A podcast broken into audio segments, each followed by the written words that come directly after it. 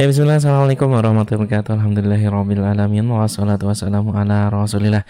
99.9 FM Radis Karimah Sahabat Anda belajar Al-Quran Sahabat Quran di mana pun Anda berada. Senang sekali saya Nusaid ya.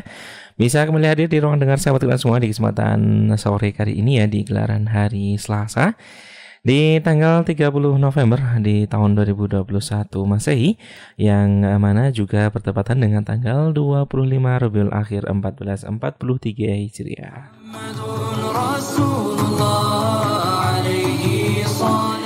Ya bagaimana kabarnya saudara semua di kesempatan uh, sore kali ini ya? Tentunya kami selalu senantiasa mendoakan ya. Semoga sahabat Quran semua senantiasa dalam kondisi yang baik dan tidak kurang apa pun. Dan juga semoga sahabat Quran semua senantiasa dalam lindungan dan bimbingan Allah SWT Amin amin ya robbal alamin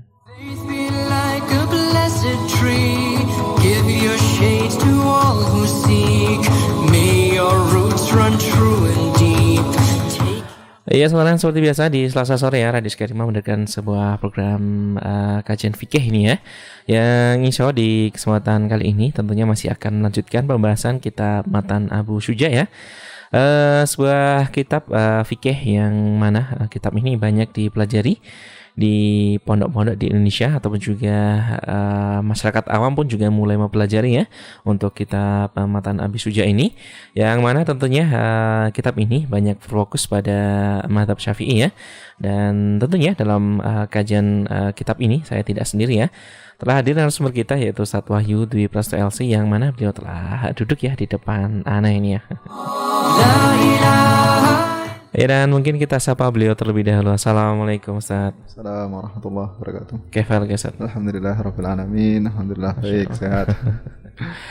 ya Ustaz, uh, kemarin kita sudah membahas uh, seputar sampai di uh, kedudukan air Ustaz ya. Ya, pembahasan air. Jadi nanti insya Allah masih melanjutkan Ustaz ya berarti ya, masih, untuk kedudukan masih air. berkaitan dengan air insya Allah. Masya Allah.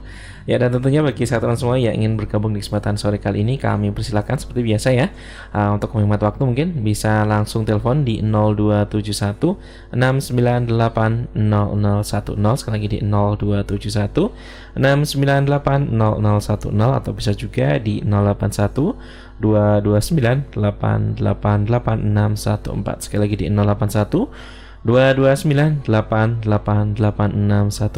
atau bisa juga bergabung di YouTube ataupun juga YouTube kami ya di Radio Iskarima atau bisa juga di Iskarima Radio ya untuk Facebooknya Tawatar bisa dipilih salah satu dan bisa dituliskan untuk uh, pertanyaannya di situ.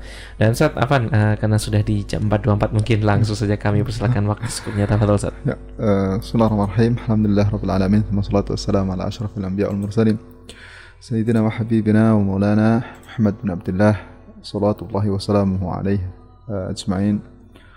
Alhamdulillah Allah subhanahu wa ta'ala kembali memberikan kesempatan kepada kita semuanya pada sore hari ini yang insya Allah kembali kita mempelajari berkaitan dengan hukum-hukum Allah subhanahu wa ta'ala yang menjadi kewajiban bagi kita semuanya untuk uh, mempelajarinya. Karena Rasulullah menyebutkan talabul ilmi faridatun ala kulli muslim di setiap uh, menuntut ilmu itu kan dia uh, wajib bagi setiap kaum muslimin kan. Makanya uh, hendaknya kita betul-betul mempergunakan waktu yang kita miliki ini yang tentunya kita mengetahui bahwa waktu yang kita miliki tidak panjang, tidak banyak uh, untuk hal-hal yang memang bisa memberikan manfaat untuk akhirat kita ataupun mungkin untuk akhirat dan uh, dunia kita.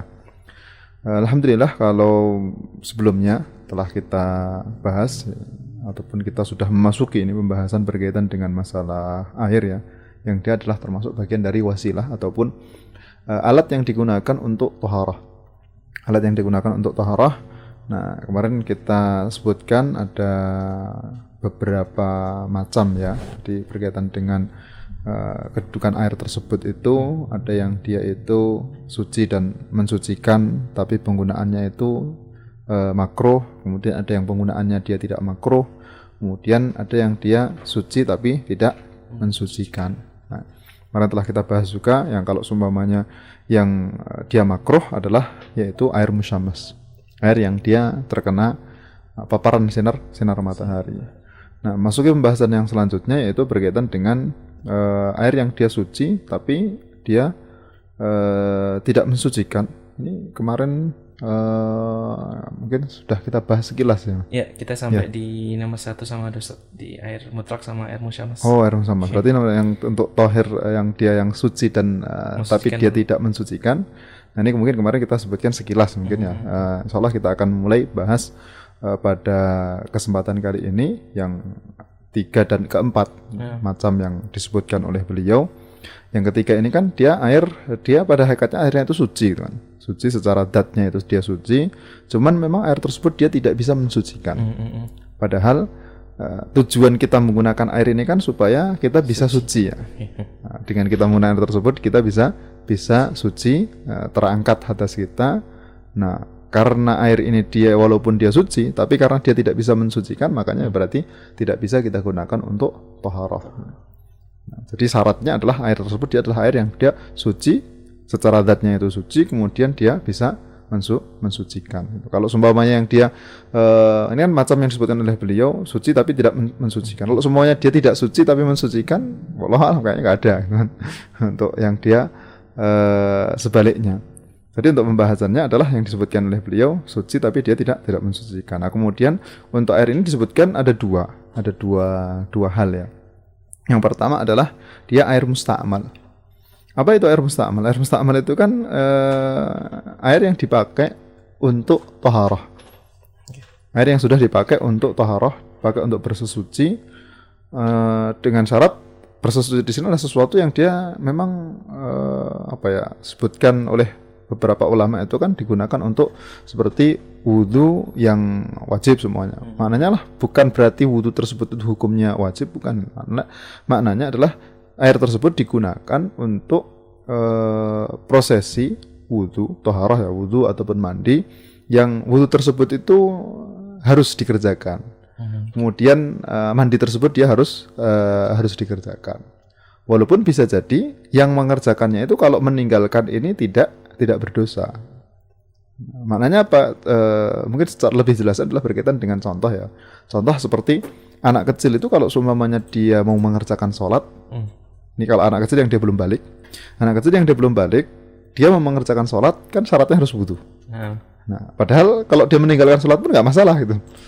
uh, meninggalkan uh, sholat tidak tidak masalah. Kenapa? Karena sholat bagi anak tersebut belum wajib. Belum wajib. Karena memang belum balik syarat wajibnya sholat itu kan seorang dia harus dalam kondisi balik. Nah anak ini dia belum balik. Terus ketika dia mau mengerjakan sholat, tetap kita sebagai wali memerintahkan anak tersebut supaya dia berwudu. Jadi kalau semuanya dia mengerjakan sholat, terus kita tidak memerintahkan uh, dia untuk mengerjakan wudhu, nah ini uh, ada yang tidak tepat. Makanya tetap kita harus perintahkan anak tersebut untuk mengerjakan wudhu, kemudian baru kemudian dia mengerjakan sholat.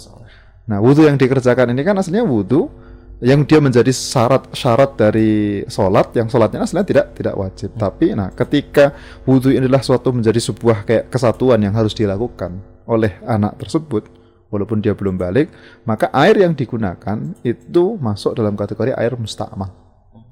Ini masuk dalam kategori air mus mustakmal.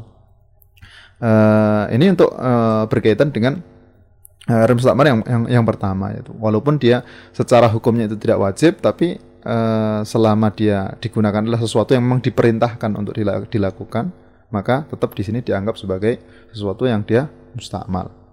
Nah, mustakmal itu kan kalau dalam bahasa Indonesia itu terpakai ya, air yang dia sudah sudah dipakai. Kan disebutkan oleh para ulama yang dipakai untuk bertoharah yang toharah tersebut itu harus. Cara tersebut itu ha, harus, mana harus di sini adalah ya tadi e, ketika dia melakukan sesuatu walaupun ini tidak wajib tapi dia kan harus melakukan prosesi wudhu terlebih dahulu.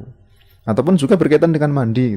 Mandi itu dicontohkan oleh para ulama seperti kalau seumpamanya ada seorang uh, yang muslim dia memiliki istri seorang uh, mungkin entah itu Yahudi atau Nasrani hmm. istrinya dari ahli kitab Nah dalam kondisi istri tersebut itu haid kemudian sudah selesai haid, tetap kan diwajibkan untuk melakukan yang namanya mandi, hmm. supaya boleh suami yang dia posisinya adalah seorang muslim itu untuk mengumpulinya. Karena kan tidak boleh kok seorang dia mengumpuli istrinya yang selesai dari masa haid terus padahal dia belum melakukan yang namanya mandi janabah. Ini kan belum belum boleh. Jadi belum belum bisa. Nah, walaupun nah, walaupun uh, ini mandi janabah tersebut ini kan bukan untuk uh, orang uh, dari perempuan istri istri yang dari ahli kitab di sini kan dia tidak melakukan sholat ya. Tidak melakukan melakukan sholat. Tapi tujuan dengan dia mengerjakan namanya mandi janabah tersebut supaya dia boleh untuk uh, digauli oleh suaminya. Nah, makanya dari sini air yang dipakai itu tetap akan menjadi air mus mustakmal.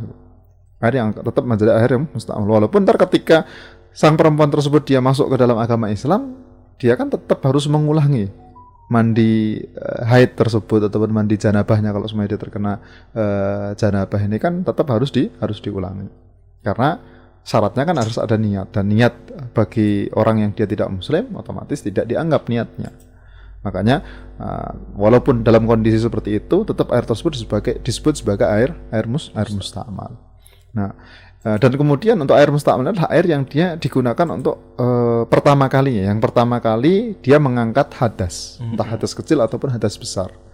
Makanya kalau seumpamanya seseorang dia melakukan wudhu satu kali, itu kan sudah terangkat hadasnya. Semuanya dia membasuh tangannya ini kan yang pertama kali berarti hadas dari tangannya terangkat. Nah, ketika dia membasuh lagi, basuhan yang kedua dan ketiga ini kan dia masuk kategori sunnah. Masuk dalam kategori sunnah yang dia tidak mengangkat hadas. Tidak mengangkat mengangkat hadas dan bukan menjadi sebuah keharusan. Karena yang menjadi keharusan itu kan yang basuhan pertamanya yang basuhan pertama itu yang menjadi sebuah keharusan. Sedangkan yang kedua di sini dia bukan suatu keharusan. Makanya yang menjadi air mustakmal itu adalah yang pertama. Sedangkan yang kedua dan yang ketiga dia tidak masuk dalam kategori air mustakmal. Air yang terpakai. Makanya untuk air yang kedua dan ketiga ini dia selama memang tidak e, berubah karena terkena najis umpamanya maka ya berarti air tersebut dia tetap dianggap sebagai air yang suci dan mensucikan. Ini e, termasuk bagian dari syarat air mustakmal. Jadi kapan air tersebut dia menjadi mus mustakmal? Tidak setiap pokoknya orang ketika dia memakai air kemudian semuanya menjadi mustakmal bukan, tapi e, sebagiannya saja yaitu yang kalau semuanya dia memakainya yang pertama kali dia pakai. Seperti mandi janabah. Ketika dia sudah rata satu kali rata, nah air yang digunakan untuk meratakan ke seluruh badan yang baru disebut sebagai air mustakmal. Sedangkan yang sisanya kalau semuanya dia guyur badannya lagi dua kali, tiga kali dan seterusnya, ini dia tidak masuk dalam kategori air mustakmal. Kemudian juga termasuk bagian dari syarat air mustakmal adalah air yang dia uh, belum belum berpisah dari anggota badan. Jadi yang, yang yang masih menempel itu dia tidak masuk di uh, dalam kategori air yang dia mustakmal. Jadi ketika semuanya dia mengguyurkan basuh tersebut, kemudian ini masih e, menempel, maka di sini tetap dia airnya masih suci dan mensucikan sampai kemudian dia men, e, sudah berpisah dari anggota wudhu ataupun anggota mandi semua di janabah dari badan, baru kemudian disebut sebagai air mustamal. Makanya kalau sumpamanya ada orang ketika e, seseorang dia pengen mandi janabah ya, tapi mandi janabahnya dia mungkin menggunakannya menggunakan ember besar. Hmm Nah, dia uh, nyelam di situ. Nah ini uh, dia meniatkan ketika dia masukkan kaki, habis itu kemudian niat, niat mandi janabah. Kan ini yang masuk ke ember baru kakinya mungkin. Iya. Terus habis itu kemudian dia uh, masukkan seluruh badannya ke dalam air tersebut, apakah sah mandinya atau tidak? Di sini dihitungnya adalah mandi yang sah. Kenapa? Karena ketika dia memasukkan kaki, terus uh, dia belum keluar dari ember tersebut, dan dia meniatkan mandi janabah ya walaupun air ini kalau semuanya kurang dari dua uh, dua kulah ya ntar akan kita bahas berapa dua kulah itu uh, maka uh, di sini dia tetap akan dianggap bahwa air tersebut masih suci dan mensucikan. Sebagaimana hukum awalnya. Kalau kecuali kalau semuanya dia ini di ember kemudian dia masukkan kaki setelahnya habis itu kemudian dia keluar. Nah baru kalau air ini dianggapnya adalah air yang sedikit maka masuk dalam kategori air mustakmal karena sudah berpisah dari anggota uh, wudhu ataupun anggota mandinya. Nah, tapi kalau semuanya tadi dia masuk, habis itu kemudian meniatkan, terus habis itu nyelam sampai meratakan air ke seluruh anggota badan, di sini tetap dianggap mandi itu adalah mandi yang sah dan terangkat hadasnya. Kenapa? Karena air yang dipakai ini dia belum dianggap sebagai air mustakmal, toh masih menempel dengan kaki yang sekarang ditaruh di dalam ember tersebut. Yang disebut sebagai air air mustakmal. Jadi kalau semuanya ada orang wudhu, kemudian kita ngambil yang uh, netes dari anggota wudhunya, nah itu baru di, kemudian dianggap sebagai air Mustakmal. air mustakmal. Nah, kenapa? Karena sudah berpisah dari anggota anggota wudhu. Jadi air mustakmal itu dia tidak bisa digunakan untuk toharah. Tidak bisa digunakan untuk uh, untuk taharah. Kenapa ya? Karena uh, para sahabat Rasulullah taala anhum beliau-beliau tidak tidak pernah gitu kan dengan sedikitnya air ketika beliau-beliau berwudu yang lain tidak mengumpulkan air yang dipakai oleh orang lain untuk digunakan ber, berwudu padahal air ketika itu ya mungkin tidak tidak terlalu banyak kan. Nah, makanya dari situ berarti e, menunjukkan bahwa air mustakmal ini e, dia tidak bisa dipakai untuk harus Sebagian lagi menganggap bahwa toh kita kalau seumpamanya melakukan wudhu itu kan ketika membasuh wajah e, dosa-dosa yang ada di wajah atau dosa-dosa yang disebabkan karena wajah ini kan akan ikut keluar. Akan ikut uh, akan ikut keluar bersamaan dengan tetesan air yang kita pakai untuk membasuh wajah begitu juga tangan kemudian ya, yang kita usapkan kepala kemudian kaki.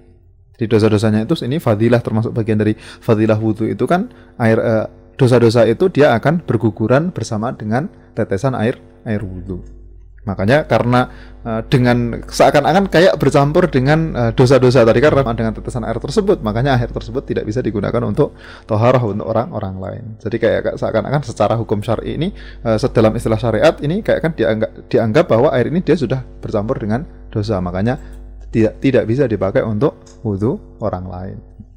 Uh, ini yang pertama yang berkaitan dengan air air musta'mal, teman air yang dia uh, terpakai. Kemudian yang kedua adalah air yang dia bercampur ataupun uh, air yang dia berubah karena bercampur dengan sesuatu yang suci. Air yang dia itu berubah karena bercampur dengan sesuatu yang suci. Ini mungkin yang uh, sering dan banyak kita jumpai, sering dan banyak kita jumpai kalau air mustakmal insya Allah jarang sih kalau semuanya orang dia melakukan wudhu habis itu kemudian kita kumpulkan tadi kumpul kumpulkan lagi air yang dia pakai untuk wudhu ataupun dia pakai untuk mandi itu jarang. Ya lebih umumnya yang seringnya kalau berkaitan dengan pembahasan air yang dia suci dan tidak mensucikan itu yang kedua yaitu air yang dia berubah tapi karena disebabkan bercampur dengan benda yang suci ini kan sering. Mungkin kita punya air habis itu ternyata dia mungkin terkena sesuatu hmm. bercampur dengan benda yang lain. Apakah air tersebut bisa kita gunakan untuk uh, bersesuci atau atau tidak? Ini juga berkaitan dengan air mutlak kemarin. Kan air mutlak itu kan uh, dia air yang memang sesuai dalam dengan penciptaannya. Air yang dia tidak ada embel-embelnya ataupun kalau semuanya ada embel-embelnya tapi embel-embel tersebut masih bisa dipisahkan dari air-air tersebut kayak kemarin air sumur gitu kan. Eh, kita bisa mengatakan bahwa air sumur itu ya air gitu saja tanpa hmm. ada embel-embel sumurnya. Berbeda kalau kemarin yang kita sebutkan seperti air kopi ataupun air teh ini kan tidak bisa kita pisahkan. Kalau air kopi kemudian kita sebut ini air tok nggak bisa. yang bisa kita sebut malah kopinya saja. Ini apa kopi itu kan? Ini apa teh? Padahal dia aslinya air teh kemudian air air kopi. Nah, air yang dia bercampur dengan sesuatu yang uh, yang dia suci ya kayak misalnya kayak yang kedua tadi. Air ini ada air kemudian kita campuri teh air kita kemudian kita campuri kopi. Ini kan dia bercampur dengan sesuatu yang sesuatu yang suci. Secara hukum dia aslinya suci, tapi karena dia sudah bercampur dengan sesuatu yang lain, akhirnya sudah keluar dari yang namanya air mutlak kemarin itu. Makanya di sini tidak tidak bisa dipakai untuk bersesuci. Dalam kondisi kita uh, punya satu galon air teh, tapi kita tidak punya air mutlak. Bagaimana apakah kita bisa menghilang uh, menghilangkan hadas ataupun mengangkat hadas berwudu dengan air tersebut? Tetap ya tidak bisa. Wajibannya bagi kita ya tayamum gitu. Karena walaupun di situ ada air ya, ada air satu galon air teh. Dan kita tidak memakai air tersebut. Ini air pun toh juga tidak kita butuhkan untuk minum. Kita hmm. minum paling mungkin beberapa gelas saja. Hmm. Tapi karena memang air tersebut itu adalah air yang tidak bisa kita pakai untuk toharah, tidak bisa tidak bisa kita pakai untuk bersesuci, ya makanya otomatis mau tidak mau ya kita mengganti, mengganti dari aslinya itu bertoharah dengan air, kita bertoharah dengan debu. Makanya kita uh, kita mengganti kepada toharah yang dia toharah penggantinya ataupun toharah badaliyahnya, yaitu tayam tayamum. Karena memang uh, disebutkan oleh beliau di sini kan dia air yang dia su, uh, suci tapi tidak tidak men mensucikan. Nah, syarat dari dia berubah itu kapan sih? Kan kadang kita untuk mendapati air yang dia tidak bercampur dengan sesuatu apa pun itu kadang mungkin sulit, sulit gitu. hmm. agak susah. Patokannya seberapa? Patokannya adalah kalau seumpamanya berubahnya itu banyak, maknanya betul-betul berubah. Akhirnya orang-orang itu ketika ditanya apa ini apa, apakah dia air atau bukan, mungkin orang dia akan mengatakan lain. Tapi kalau seumpamanya orang-orang itu masih mengatakan bahwa itu air, walaupun tadi bercampur dengan sesuatu yang tadi mungkin bercampur ada kadang air itu kan air uh, kita uh, karena kejatuhan kopi ya kejatuhan kopi sedikit seumpamanya. Bisa jadi baunya sudah uh, baunya uh, mulai ter, tercium bau kopi. Mau mulai tercium bau bau kopi tapi air tersebut dia masih jernih semua. Ini kan salah satu dari tiga sifat air ini dia sudah berubah cuman secara air ini air dia masih dalam kondisi masih masih uh, cukup jernih dan kalau sumpamanya kita tanyakan kepada orang-orang, apakah mereka akan menyebut bahwa air tersebut adalah air kopi atau air biasa hmm. yang bercampur dengan sedikit kopi? Ketika dia meng, uh, dia mengatakan ini adalah air kopi, berarti oh ini berarti air tersebut ini sudah tidak bisa kita gunakan untuk toharoh. Tapi kalau masih bisa uh, disebut sebagai air biasa, maka berarti di sini baru kita katakan air tersebut masih suci dan mensucikan. Karena Rasulullah sendiri beliau pernah berwudu ataupun melakukan toharoh melalui suatu bejana, bejana tersebut ada air, tapi air tersebut itu ber, ada sedikit uh, adonan. Ada adonan yang uh, di mungkin adonan di sisa adonan di bejana tersebut, kemudian uh, ada uh, dimasuki air dan air itu sedikit bercampur. Tapi masih bisa disebut sebagai air yang ataupun masih bisa disebut sebagai air biasa. Makanya ketika sesuatu itu bercampur dengan air, kita tinggal melihat apakah banyak atau tidak. Sampai kemudian merubah nama air tersebut atau atau tidak. Kalau semuanya sudah merubah nama air ini, air ini sudah berubah menjadi nama yang lain. Seperti kalau seumpamanya eh, kayak kemarin air bercampur dengan tanah ini kan tanah ini selalu bersamaan dengan air. Kita susah untuk memisahkan memisahkan tanah dengan dengan air. Tapi kalau semuanya bercampurnya sampai berubah menjadi sebuah lumpur, Hmm. Jadi berubah menjadi lumpur ini kan sudah tidak bisa disebut sebagai air. Orang-orang pun semua akan mengatakan bahwa itu lumpur. Jadi bukan bukan air lagi. Makanya di sini tidak bisa digunakan untuk tohar walaupun dia bercampur dengan air yang aslinya ber, air bercam, uh, air yang dia bercampur dengan tanah ini kan dia sesuatu yang umum wajar biasa di mana-mana. Nah, tapi kan namanya sudah berubah menjadi lumpur bukan air lagi. Beda kalau semuanya dia bercampur dengan tanah kemudian sedikit keruh uh, tapi tetap masih bisa disebut sebagai air ya di sini hitungannya dia adalah air yang suci dan mensucikan. Nah, ini syaratnya adalah dia berubah tapi merubahnya itu sampai merubah nama dari air tersebut menjadi menjadi nama yang nama yang lain. Kayak tadi air kopi kemudian dia sudah berubah menjadi orang-orang akan menyebutnya air kopi kemudian ini air teh dan seterusnya. Tapi kalau masih bercampurnya cuma sedikit walaupun mungkin ada pengaruhnya seperti mungkin baunya sedikit berubah kemudian warnanya hmm. sedikit berubah tapi selama masih bisa disebut sebagai air maka tetap di sini dia disebut sebagai air yang suci dan mensucikan. Tidak masalah digunakan untuk toharoh. Yang umum sering terjadi itu kan air yang dia bercampur dengan sabun ya. Hmm. sering itu kan mungkin air di dalam ember habis itu kemudian uh, terkena sabun. Jadi sabun itu kadang mungkin uh, masuk ke dalam ember tersebut, akhirnya baunya pun baunya sabun. Uh, agak ag ada sedikit bau sabun. Tidak ada sedikit bau bau sabun, baunya sudah terasa, cuman airnya masih jernih saja, air masih masih bening. Dan kita kembalikan tadi ini kan masih bisa disebut sebagai air. Makanya air tersebut tetap bisa digunakan untuk tohara. Tidak perlu kita harus uh, membuang air tersebut kemudian mengganti air yang lain yang dia tidak ada baunya sama sekali. Karena ini masih bisa disebut sebagai air. air. Selama kalau semuanya dia belum berubah menjadi airnya mungkin sabunnya warna putih gitu kan. Ini sudah uh, berubah kemudian ber berwarna putih, kemudian sudah ada busanya. Nah, ini sudah lain istilahnya berubahnya sudah sudah lain karena orang-orang uh, tidak akan menyebut bahwa air tersebut adalah air, air, tapi air yang memang dia adalah air air sabun. Ini yang kedua yang disebutkan oleh oleh beliau, dia secara hukumnya itu dia suci, tapi dia tidak bisa mensucikan. Makanya tidak bisa kita gunakan untuk tohara. Yang pertama tadi air yang dia dipakai ataupun air yang mustakmal. Kemudian yang kedua adalah air yang dia bercampur dengan sesuatu yang suci. Kemudian macam yang terakhir yang disebutkan oleh beliau, yang keempat yaitu adalah air yang dia najis. Air yang na najis. Uh, air najis di sini adalah uh, yang dimaksudkan najis itu kan ada dua. Ada air yang secara zatnya itu najis. Ada air yang dia itu terkena najis yang dibahas oleh para ulama ya yang uh, kedua.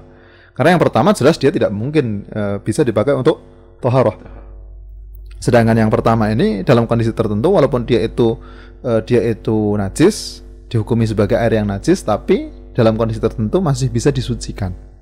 Masih bisa di, disucikan. Tapi kalau seumpamanya air itu secara zatnya najis ya sudah dia karena zatnya saja dia nah, najis makanya tidak bisa uh, kok kemudian kita sucikan ataupun kita bersihkan itu tidak tidak bisa kayak air kencing itu kalau mau kita mau kita cuci gitu ya tetap sama itu tidak bisa kok uh, air kencing tersebut dia menjadi menjadi suci gitu. Nah, yang dimaksudkan di sini adalah yang kedua, uh, yang pertama tadi Ya, yang kedua yaitu air yang dia aslinya itu secara hukum asal dia suci. Kemudian karena dia terkena najis, maka dia masuk dalam kategori air yang air yang najis. Maka disebutkan oleh beliau yaitu yang dia terkena najis. Dan air tersebut itu kurang dari dua kulah. Dua kulah. Dua kulah ataupun dia dua kulah dan lebih tapi dia berubah. Mana berubah ini adalah berubah salah satu dari tiga sifat kemarin. Ada rasa, kemudian ada warna, kemudian ada bau. Nah, dari tiga sifat tersebut ternyata dia dia berubah. Walaupun dia dua kullah, tapi karena dia sudah berubah dengan terkena terkena eh, terkenanya najis tersebut, maka di sini tidak bisa digunakan untuk tohar karena dihukumi air tersebut adalah air yang air yang najis. Nah, berapa sih kadar dua kullah itu berapa itu? Ini kalau zaman dahulu, kullah sini kan kullah eh, kullah kalau zaman dahulu itu Rasulullah mematakannya kullatu kullatu hajar. Karena memang orang-orang Madinah itu ada suatu uh, tempat di situ dekat Madinah yang memang Rasulullah mematoknya di situ. Lebih memudahkan orang-orang kalau seumpamanya disebutkan satu kullah itu kadarnya berapa, orang-orang langsung tahu karena memang mereka hidup di daerah di daerah tersebut. Nah, kemudian disebutkan oleh beliau di sini disebutkan oleh beliau uh, Syekh Abu Suja itu beliau menyebutkan wal dan Dua kullah itu berapa sih? Yaitu 500 ritel Baghdadi atau retail Iraqi. Jadi uh, eh, 500 retail Baghdadi. Uh, jadi perkir perkiraannya, perkiraannya adalah sekitar 500 retail. Menurut pendapat yang uh, istilahnya dipilih ataupun menurut pendapat yang lebih yang lebih benar. Uh, 500 retail. Retail pun juga kalau sekarang kita juga nggak nggak tahu itu kan. Ya, karena kita nggak nggak memakai nggak memakai ukuran tersebut. Ini kulah, ini kan satuan volume aslinya. Hmm. Kulah, kemudian retail ini kan dia satuan satuan volume. volume. Nah, pada zaman Rasulullah SAW yang dipakai adalah kulah tadi. Yang dipakai adalah kul kulah. Karena memang itu yang umum di kalangan mereka dan gampang orang-orang akan mudah tahu. Nah, pada zaman setelahnya ketika Islam itu berada di pusat peradaban Islam itu berada di Irak ya di Baghdad ketika itu. Nah, orang-orang akan lebih mudah dengan tadi dengan retail Baghdadi. Hmm. Retail Baghdad. Nah, dengan retail Baghdad, retail Baghdad orang-orang akan mudah untuk mengetahui kenapa? Karena memang pusat uh, peradaban Islam ya ketika itu adalah berada berada di Baghdad, orang-orang pun akan dengan mudah ketika disebutkan satu retail, oh, satu retail itu sekian. Nah, cuman pada masa sekarang ini kan yang dipakai itu sudah bukan kulah, kemudian bukan retail lagi yang kita pakai kan kalau satuan volume ya berarti kan liter. Sekarang berapa retail, uh, liter gitu kan? Dari dari kulah kemudian uh, retail itu kalau semuanya kita konversikan kepada satuan liter itu ber berapa? Nah, aslinya kalau retail ini kan dia uh, para ulama kemudian beliau mengkonversikan ke berat. Jadi satu retail itu dikonversikan ke berat dirham yang dipilih oleh Imam Nawawi. Imam Nawawi itu beliau uh, lebih memilih pendapat bahwa satu retail Baghdad itu kalau seumpamanya dengan takaran gram, takaran gram tapi gram dirham ya. Dirham karena kalau zaman dahulu kan uh, ada uh, kadar dirham. Dirham itu kalau uh, zaman dahulu dirham itu sekitar 2,975. Ya, 2,975 gram. Sekarang kalau semuanya dirham nabawi, dirham nabawi itu kalau semuanya kita konversikan ke gram yang sekarang itu dia beratnya adalah 2,975. Ini uh, nah ini kan kalau dirham ya. Zaman dahulu dikonversikan ke dirham tersebut. Berapa kalau semuanya kita konversikan ke dirham itu berapa? Satu retail tadi. Yang disebutkan oleh Imam Nawawi yang dipilih oleh beliau adalah satu retail Baghdad itu adalah 128 4 per 7. Jadi 128 4 per 7 dirham.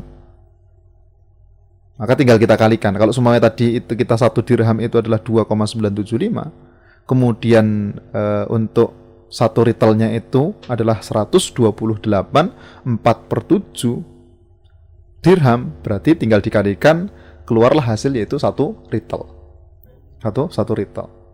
Ini kan baru satu satu ritel. Tapi kan sudah satuannya berarti satuan berat. Bukan satuan volume lagi. Satuannya be berat. Nah, berat itu kan e, kalau berat air dengan berat besi ataupun berat benda yang lainnya kan berbeda. Karena yang kita bahas ini adalah air. Nah, sekarang ini kan kalau yang dipatok bahwa air satu liter itu dia berapa? Satu kilo. Jadi satu kilo air, maka dia adalah dihitung satu satu liter. Kalau ada perbedaan mungkin sedikit, nggak nggak terlalu nggak terlalu banyak lah, paling cuman uh, mungkin berbeda berapa gram saja. Nah makanya kalau kalau sumpamanya satu kilo itu dia satu uh, satu liter, berarti dengan satuan berat yang kita dapatkan tadi ini kan bisa kita kalikan uh, sampai ntar berarti kita mendapatkan berat air sekian, terus kita konversikan ke liter itu berapa? Uh, dari yang tadi mungkin per perkalian antara 128 per 7 kemudian uh, 2,975 terus uh, dikalikan 500 tadi kan karena di, di sini kan dihitungannya 500 retail. 500 retail itu perkiraan sekitar mungkin sekitar 191, atau anggap saja 192 kilo. 192 kilo. Kalau kita anggap tadi bahwa satu kilo air itu adalah satu liter, berarti kan otomatis akan jadinya 192 liter. Itu uh, hitungan dua kulah. Hitungan dua, dua kulah. Berarti kalau dua kulah itu berapa? Kalau kita konversikan ke liter, nah sekitar 192 liter. 192 liter. Atau yang mungkin uh, yang mungkin sekarang dipilih oleh banyak para ulama ya di, dianggap 200 itu 200, ada yang kemudian menyebutkan 201. Ini yang sekarang banyak dipilih adalah sekitar 200-an liter. 200-an liter air. Nah, kalau semua kita punya 200-an uh, liter air uh, liter air, itu berarti air tersebut masuk dalam kategori ini tadi. Nah, secara pembagian berarti air yang najis ataupun air yang dia terkena najis itu uh, dia adalah air yang dia sedikit. Sedikit itu yang dia kurang dari 200 liter tadi itu hmm. baru di, dalam istilah uh, syar'i itu sedikit itu berapa? Sedikit itu bukan kalau semuanya kita mencakup air ini sedikit bukan. Sedikit itu menurut patokan yang disebutkan oleh para ulama adalah kalau air tersebut kurang dari 200 liter. Jadi kalau kurang dari 200 liter ini air dianggap sedikit, sedikit. Tapi kalau 200 liter ke atas berarti air tersebut dianggap sebagai air yang air yang banyak. Nah, tadi kan disebutkan kalau seumpamanya dia itu sedikit, kemudian terkena najis di situ, air tersebut dia akan menjadi najis. Dan tidak dilihat apakah dia itu berubah atau tidak berubah sifatnya. Intinya air tersebut itu dia nyampe 200 liter atau tidak? Tidak nyampe seumpamanya. Terus dia terkena najis atau tidak? Terkena najis. Ya sudah, berarti air tersebut dia najis. Tidak dilihat apakah berubah atau tidak berubah. Untuk air yang dia kadarnya kurang dari 200 liter. Tapi kalau seumpamanya di 200 liter ke atas, maka tadi kan disebutkan atau dia dengan jumlah 200 liter ke atas tapi dia berubah. Baru kemudian kita pakai patokan apakah berubah atau tidak berubah air tersebut. Apakah berubah atau tidak? Tidak berubah. Itu kalau seumpamanya eh, airnya itu di atas 200 200 liter. Baru ntar ketika ada, kita punya air 200 liter ini. Terus terkena najis mungkin terkena uh, tetesan darah ataupun mungkin tetesan air kencing umpamanya tinggal kita lihat airnya ini dia berubah atau tidak. Dilihat baunya rasanya kemudian warnanya apakah berubah. Ketika tidak berubah ya berarti kita anggap air ini dia tetap suci belum berubah menjadi air yang najis tapi kalau kita punya air 100 100 liter ini kita punya air 100 100 liter 100 liter itu kalau hitungan kita mungkin banyak ya karena kalau air sedikit itu kan kita satu satu cakupan air mungkin ini sedih, sedikit. Tapi dalam istilah yang disebutkan oleh para fuqaha, para ulama itu 100 liter itu dia adalah air yang dianggap sedikit. Tidak tidak banyak. Makanya ketika kita punya air 100 liter, habis itu kemudian terkena satu tetes air kencing umpamanya ataupun terkena satu tetes darah. Maka akan dianggap bahwa air tersebut itu dia air yang najis. Makanya tidak bisa kita gunakan untuk toharah dan sekarang kalau mungkin ember-ember di di mana di kamar mandi kamar mandi itu kan mana ada ember mungkin jarang sekali kalau ada ember yang dia kok uh, bisa menampung air 200-an liter. Umumnya ya paling ember paling mungkin 20 liter hmm. atau mungkin 25 liter itu sudah lumayan besar. Bahkan kadang uh, paling mungkin besar-besarnya ya 30-an lah, 30-an hmm. liter. Hmm. Hmm.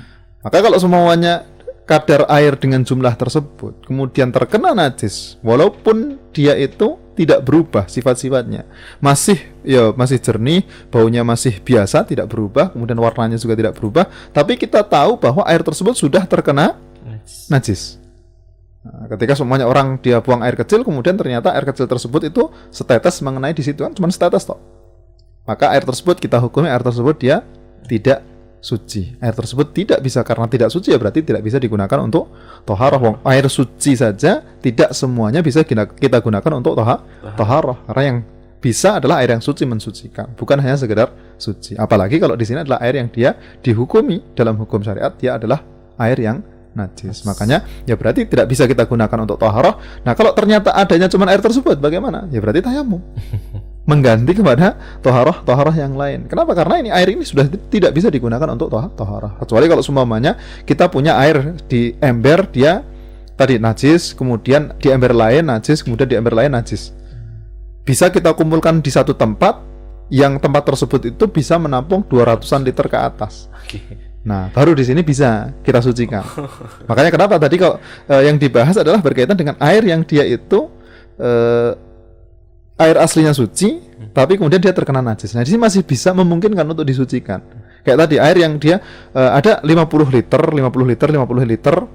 Kita punya empat ya, 54 ember, satu embernya itu 50 50 liter. Ini semuanya adalah air yang najis semua karena sudah terkena tetesan najis semuanya. Hmm.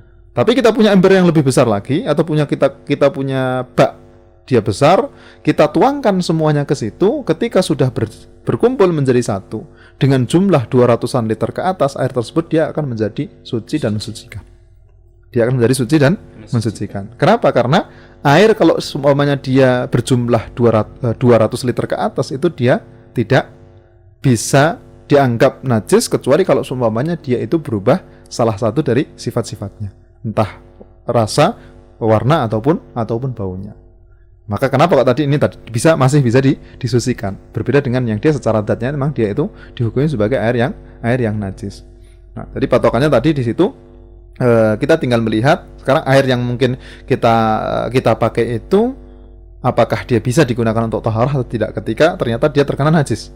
Tinggal kita lihat dia sampai 200 liter atau tidak? Tidak. Berarti e, ketika terkena najis tidak bisa kita gunakan untuk taharah. Kalau sumpamanya dia lebih dari 200 liter ke atas terkena najis, dan tidak berubah, uh, kita lihat uh, terlebih dahulu apakah dia berubah atau tidak berubah. Kalau semuanya ternyata tidak berubah ya berarti tinggal uh, kita pakai tidak masalah. Kenapa? Karena air, ter air tersebut masih dianggap sebagai air yang suci dan mensucikan. Walaupun di sana ada beberapa hal yang dia dikecualikan ya.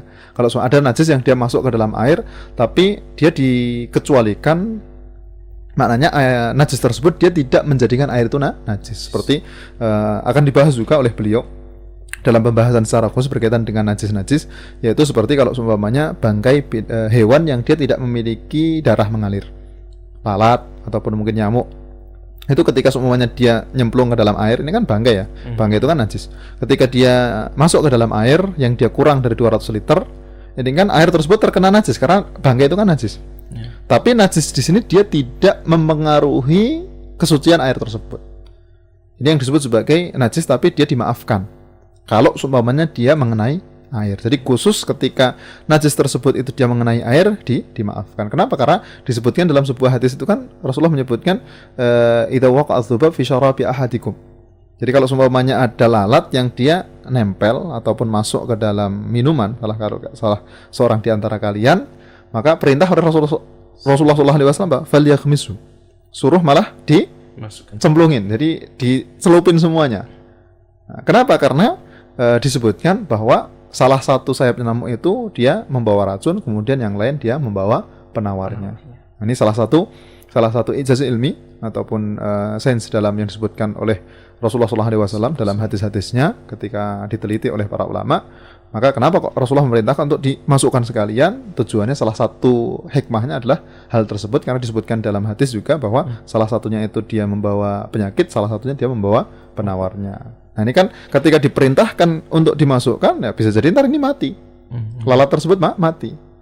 Berarti kondisinya di sini eh, ketika ada lalat yang dia masuk ke dalam air, walaupun ini dia bangkai dia dianggap sebagai najis tapi karena ada dalil tersebut berarti dikecualikan maknanya air tersebut dia masih dianggap sebagai suci dan mensucikan selama air tersebut tidak berubah selama air tersebut tidak tidak berubah disebabkan karena apa disebabkan karena uh, najis dari lalat tersebut ataupun uh, dari bangkai lalat tersebut ini empat empat kedudukan air yang mana yang bisa digunakan untuk toharoh. Dari sini kita bisa mengetahui air yang biasanya kita gunakan ini, oh tinggal kita pilih-pilih ini apakah bisa atau atau tidak bisa. Dari sini kita juga bisa lebih berhati-hati supaya kita betul-betul menjauhkan air yang akan kita gunakan untuk toharoh itu dari hal-hal yang bisa merubah kesuciannya. Supaya tetap air tersebut itu air yang suci dan mensucikan sehingga bisa kita pakai untuk wudhu, kemudian juga bisa kita pakai untuk melakukan mandi mandi janabah. Uh, ini mungkin yang kita bahas di kesempatan kali ini. Insya Allah mungkin akan kita lanjutkan di kesempatan yang akan datang berkaitan dengan uh, pembahasan yang selanjutnya. Itu uh, adalah hal-hal yang dia bisa disucikan dari najis-najis yang najis-najis yang ada. Ini mungkin uh, wasallallahu sayyidina Muhammadin wa alihi wasallam. Ya, Masya Allah, atas penjelasannya ya seputar air mustakmal, kemudian juga air yang uh, bercampur dengan benda suci, kemudian juga ada air najis najis Masya Allah. Dan sebenarnya ada pertanyaan tadi namun kita jeda sejenak terlebih dahulu uh, sebelum membacakan pertanyaan dari sahabat kalian semua. Dan sahabat jangan lupa uh, jangan ke mana-mana, tetap bersama kami di 99 FM Radio Iskarima, sahabat Anda belajar Al-Quran. Ya, sekarang kembali lagi di program uh, kajian fikih ya di Radio Skarima tentunya di kesempatan sore kali ini. Dan mungkin langsung saja kita ke pertanyaan yang sudah masuk di kesempatan kali ini sahabat Kita pilihkan dulu yang sesuai tema ya di kesempatan sore kali ini. Kita ambil dulu di WhatsApp ada Bunda Cesar di Klaten ya. Assalamualaikum warahmatullahi wabarakatuh. Assalamualaikum. Ustaz mau tanya, itu misal air sisa mandi junub masih sucikah? Dan bisakah dipakai wudhu? Airnya di ember besar, mandinya pakai gayung kondisi air masih bersih. Wassalamualaikum warahmatullahi wabarakatuh. So. Ya, uh, Bismillahirrahmanirrahim. Air sisa dari mandi junub ya. Jadi uh, mungkin air yang dimaksud adalah air ada air di ember. Mm. Habis itu kemudian uh, sebagiannya dipakai untuk mandi junub. habis itu kemudian uh, sisa air yang di setelah ember. dipakai dari sebagian yang dipakai untuk mandi junub tadi itu apakah dia masih bisa digunakan untuk bersesuci atau atau tidak? Di sini air tersebut dia adalah air yang suci dan mensucikan. Mm karena tadi kan kita sebutkan syarat untuk air yang ataupun air air yang disebut sebagai air mustakmal itu kan kalau seumpamanya dia yang sudah menempel ke anggota tubuh. tubuh menempel ke dalam anggota anggota tuh tubuh. Kecuali kalau semuanya tadi mungkin yang man, uh, kalau tadi kan mandi pakai gayung ya, kecuali mandinya nyemplung lah. Kan. kalau semuanya mandinya nyemplung itu beda lagi. Tapi kan tadi disebutkan bahwa mandinya pakai gayung, ngambilnya pakai gayung, makanya air tersebut dia air yang terus masih dianggap sebagai air yang suci dan mensucikan. mensucikan. Karena ya dia belum menempel ke anggota mandi janabah hmm. ataupun belum menempel ke badan secara langsung. Makanya tetap boleh digunakan untuk wudhu, boleh digunakan untuk mandi, hmm. boleh digunakan untuk toharoh yang lainnya. Allah Mungkin lebih tepatnya air sisa dan air bekas ya, itu ada ya, beda. Ya, mungkin air sisa dan air bekas ya. Mungkin lebih gampangnya seperti itu. Ya, uh, jazakallah tadi untuk Bunda Sesar ya. Kemudian ke pertanyaan berikutnya uh, dari Mas Julianto di Asad. Assalamualaikum warahmatullahi Yang saya tanyakan Ustaz, ember saya kan sekitar 50 liter. Seumpama saudara saya kan uh, uh, kencing berdiri di kloset. Lah kan kemungkinan ada air kencing tadi masuk ke air tadi Ustaz. Uh, meskipun hanya cipratan sedikit Ustaz. Dan apakah air ini masih boleh buat wudhu atau coba Ustaz? Uh, sebenarnya airnya tidak berubah warna bau dan rasa sukron. Ya. Uh, kalau masih uh, masih kemungkinan ya baru hmm. kemungkinan dan kita tidak tahu secara langsung kan? tidak tahu secara langsung uh, ada najis yang masuk ke dalam air tersebut maka air itu masih tetap dihukumi air yang suci dan mensucikan yeah. karena dalam kondisi kita ragu apakah air ini sudah berubah menjadi tidak suci hmm. atau masih suci ya kita kembali kepada kaidah awal hmm. bahwa kaidah dasar itu kan Nah, asal dari segala sesuatu itu kan dia suci ya. Nah. Asal dari segala sesuatu itu suci. Ini gampang kalau semuanya kita memakai patokannya adalah dengan kaidah tersebut, kita akan uh, gampang kalau semuanya kita mau mengukur sesuatu itu lebih gampang. Jadi pokoknya selama kita tidak tahu di situ ada najis ataupun terkena najis, kita anggap bahwa air tersebut dia adalah air yang suci dan mensucikan. Sampai ntar kita yakin ada najis yang masuk ke situ oh baru oh ini kita anggap sebagai uh, air yang dia sudah tidak tidak suci. suci. Makanya dalam kondisi yang seperti yang ditanyakan tadi hmm. ya kita tetap anggap bahwa air tersebut adalah air yang suci dan mensucikan. mensucikan. Kenapa? Karena kita belum tahu apakah masih kemungkinan kan kemungkinan mungkin terkena percikan. Hmm. Tapi kan bisa jadi mungkin bisa jadi juga tidak. tidak. Makanya uh, dalam kondisi iya atau tidak ya berarti kita ambilnya kepada hukum asalnya bahwa air tersebut aslinya kan dia suci dan tidak akan kita katakan najis kecuali kalau semuanya kita yakin kita tahu bahwa ada najis yang masuk ke dalam air tersebut. Allah Ya, kemudian berikutnya Ustaz ada dari Ibu Tri Ustaz. Kita ambilkan yang masih seperti Ustaz. Assalamualaikum Ustaz. Waalaikumsalam warahmatullahi wabarakatuh. Maaf masih belum paham dengan air mustakmal Ustaz. Bisa ya. diberi contohnya lagi? Ya. uh, air mustakmal itu kalau semuanya ini saya mandi, hmm. saya pakai dua ember ya semuanya, hmm. gampangnya ya. Kita saya pakai dua ember.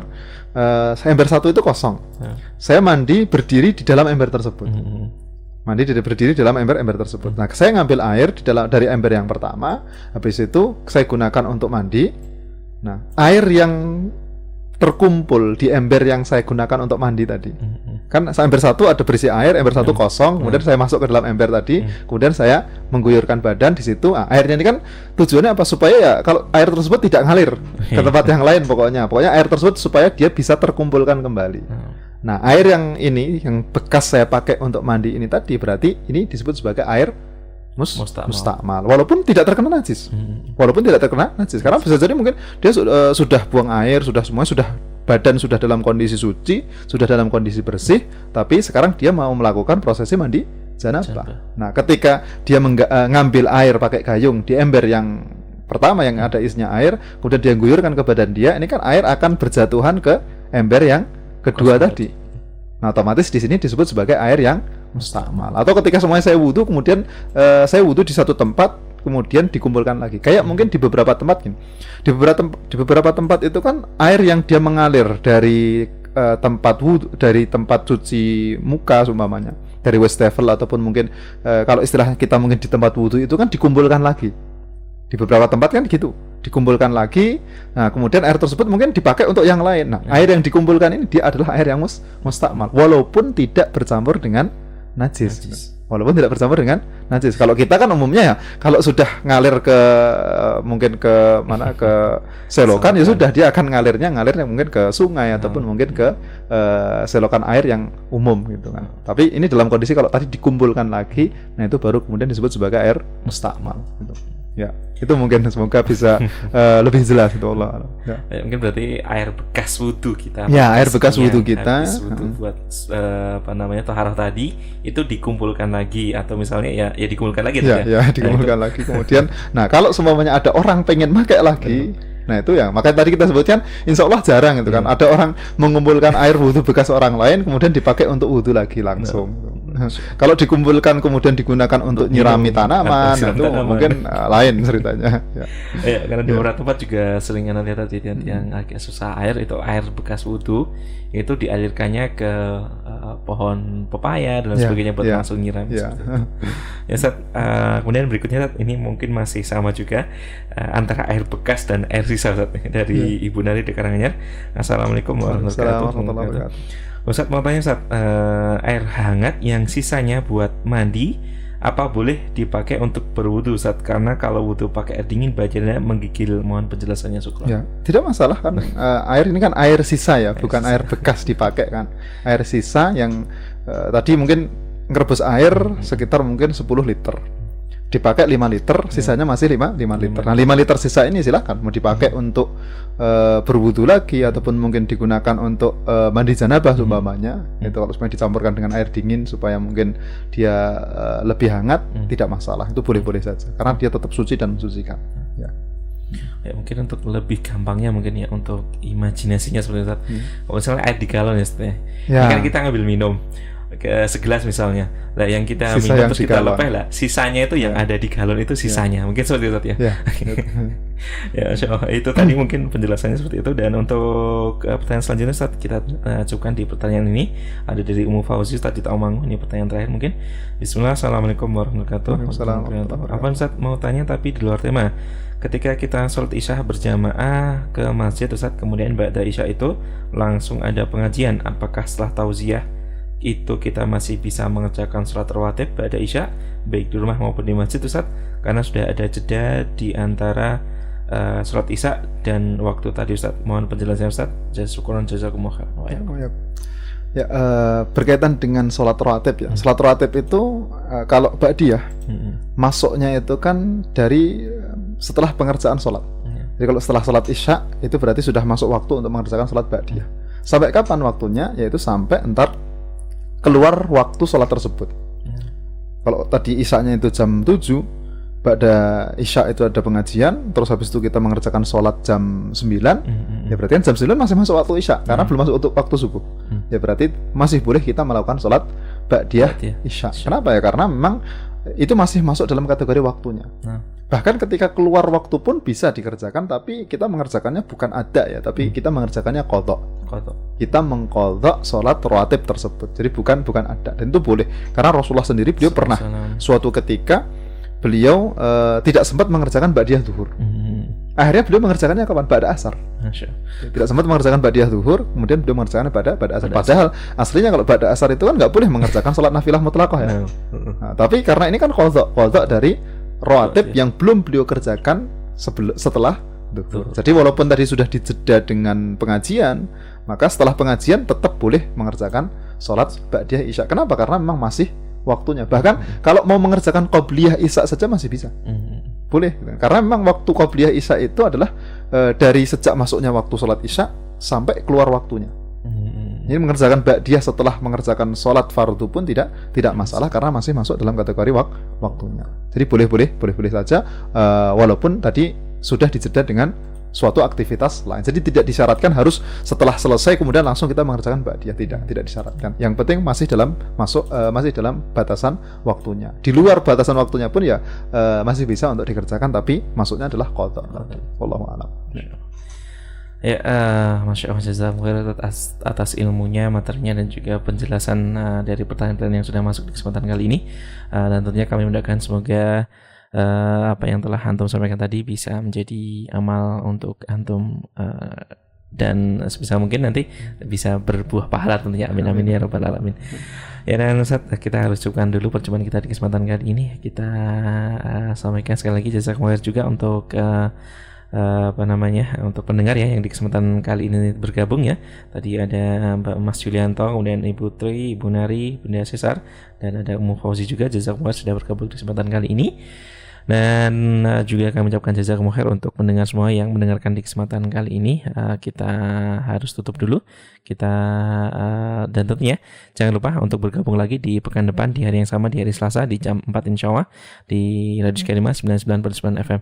Kita tutup dengan hamdalah dan doa kafaratul majelis. Alhamdulillahirabbil Subhanakallahumma wa bihamdika asyhadu alla ilaha illa anta astaghfiruka wa. Wassalamualaikum warahmatullahi wabarakatuh.